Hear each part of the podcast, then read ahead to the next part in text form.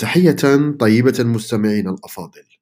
نواصل قراءتنا لمخطوط هوية الشخصية المغربية لمؤلفه الأستاذ الحسن بن صبيح بالحديث عن الاستراتيجية الحربية التي اعتمدها القادة العسكريون العرب عند فتح المغرب.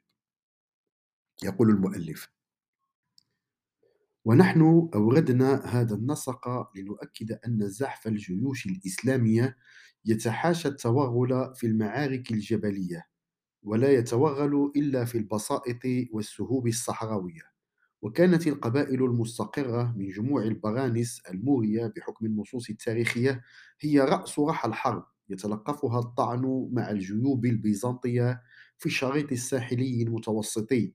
قس على ذلك مواطن أوربة وكتامة ومكناسة ومصمودة وصنهاج الساحل.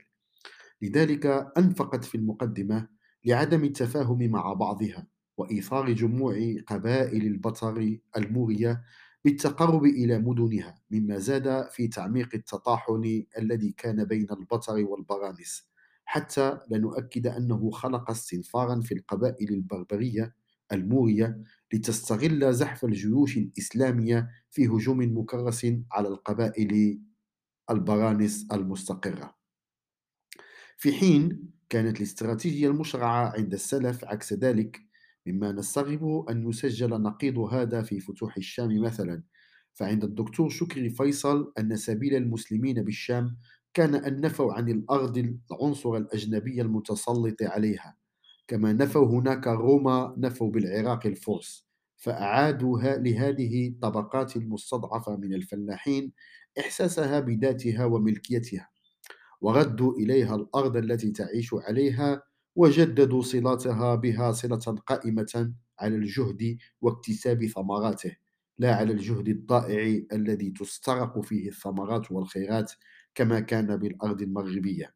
قال شكري فيصل ولذلك يكثر المؤرخون بعد كل معركة في العراق والشام من مثل قولهم ولم يحرك خالد وأمراؤه الفلاحين في شيء من فتوح من فتوحهم لتقدم أبي بكر إليهم في ذلك.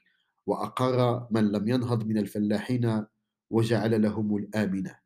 في حين نستطيع أن نؤكد بالمادة الوثائقية من النصوص التي تتبعناها أن العرب أخذوا باستراتيجية دقيقة تحالفوا فيها مع القبائل المورية من البطر الرحل سكان الجدباء والسفوح من زناتة وغيرها ليندفعوا على القبائل الساكنة المتوطنة بالبسائط والمدن والتي كان لابد لها من التحالف في المناهضة مع الروم المتواجدين في حراسة سواحل المتوسط. والمسلمون كانوا يفرقون بين الأرض التي يملكها الفلاحون وبين أراضي المقاتلة الذين لاقوهم بالسلاح. لكننا لم نجد في نصوص السرادات الإخبارية لفتح البلاد المغاربية ما يؤكد أن هناك ممارسة شبيهة لهذه المنقبة التي حرص عليها خالد بن الوليد اقتفاء بأثر أبي بكر الصديق. ولذلك لا نستغرب أن نجد إهلاك إهلاك قواد الفتح الأموي لماشية البلاد ومزارعهم.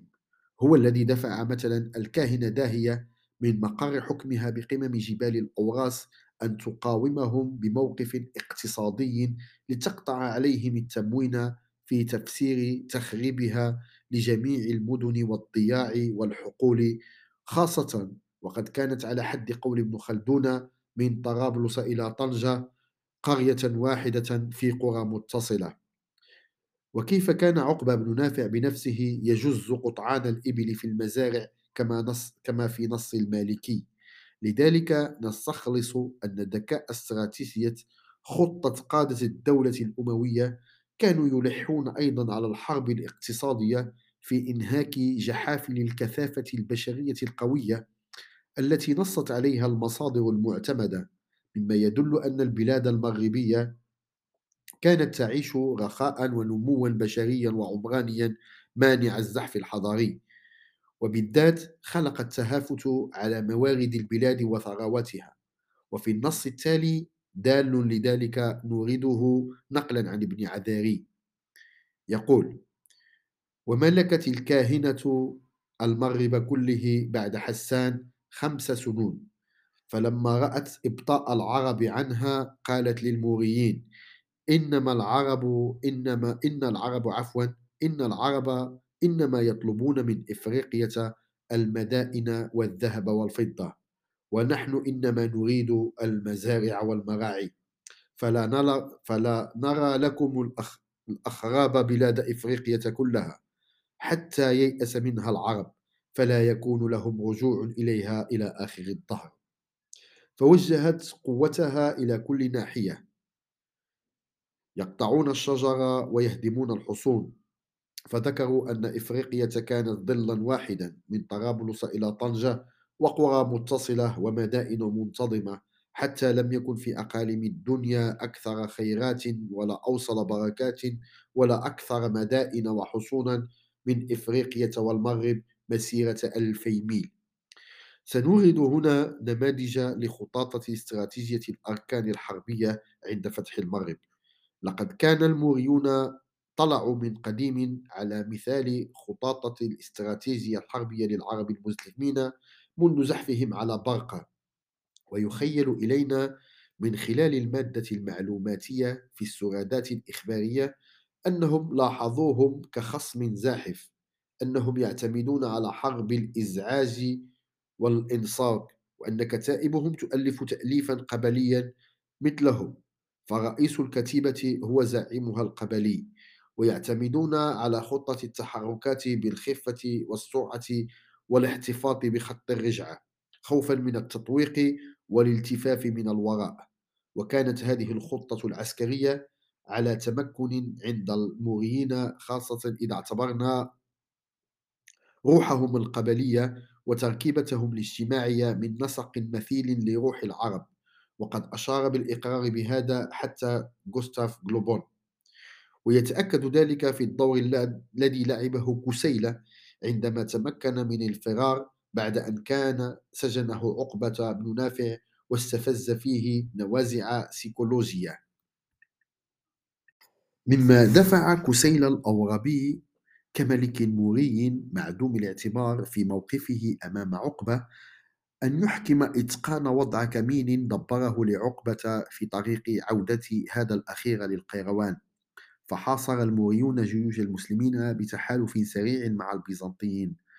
فقضية تحالف كسيلة مع البيزنطيين تدل على حنكته التي تمكن بها من الحفاظ على نفوذه الذي قوي بعد قتاله لعقبة في معركة تهودة بجبال الأوراس سنة 63 للهجرة الموافق ل 683 للميلاد. مستغلا ثغرة عسكرية حين أسبق عقبة بن نافع الجيوش للقيروان وبقي متباطئا في فريق صغير. وتجدر الإشارة إلى أن فتح برقة واستقرار الحامية العربية الأولى بها في البلاد المغربية كان لها دور كبير في تهيئ المرشدين والأدلاء عند تقديم الجيوش لسرايا الاستكشاف لتدليل الطريق واستخبار الممرات والمسالك التي كان ضروريا أن تعتمد القيادات الحربية فيها على أبناء البلاد السابقين للإسلام من قبائل اللواتة المورية. في استطلاع لأرضية الزحف العسكري على تنوع البنية الجغرافية وتضاريس المنطقة المغايرة لتشكيلة التضاريس العربية ذات الطابع الصحراوي مما أسهم في إحكام صد الزحف وإبطائه. ورغم ذلك لم يتمكن العرب من الاستفادة من المحطات التي كانت غالبا ما تفرضها الدفعات البيزنطية وخاصة عندما يضطرون للإجلاء عنها والتراجع عنها. وكذلك لم يستحكم العرب التصرف في أقاليم المغرب الأقصى إلا بعد أربعين سنة من بداية نزولهم بأقاليمه الدنيا.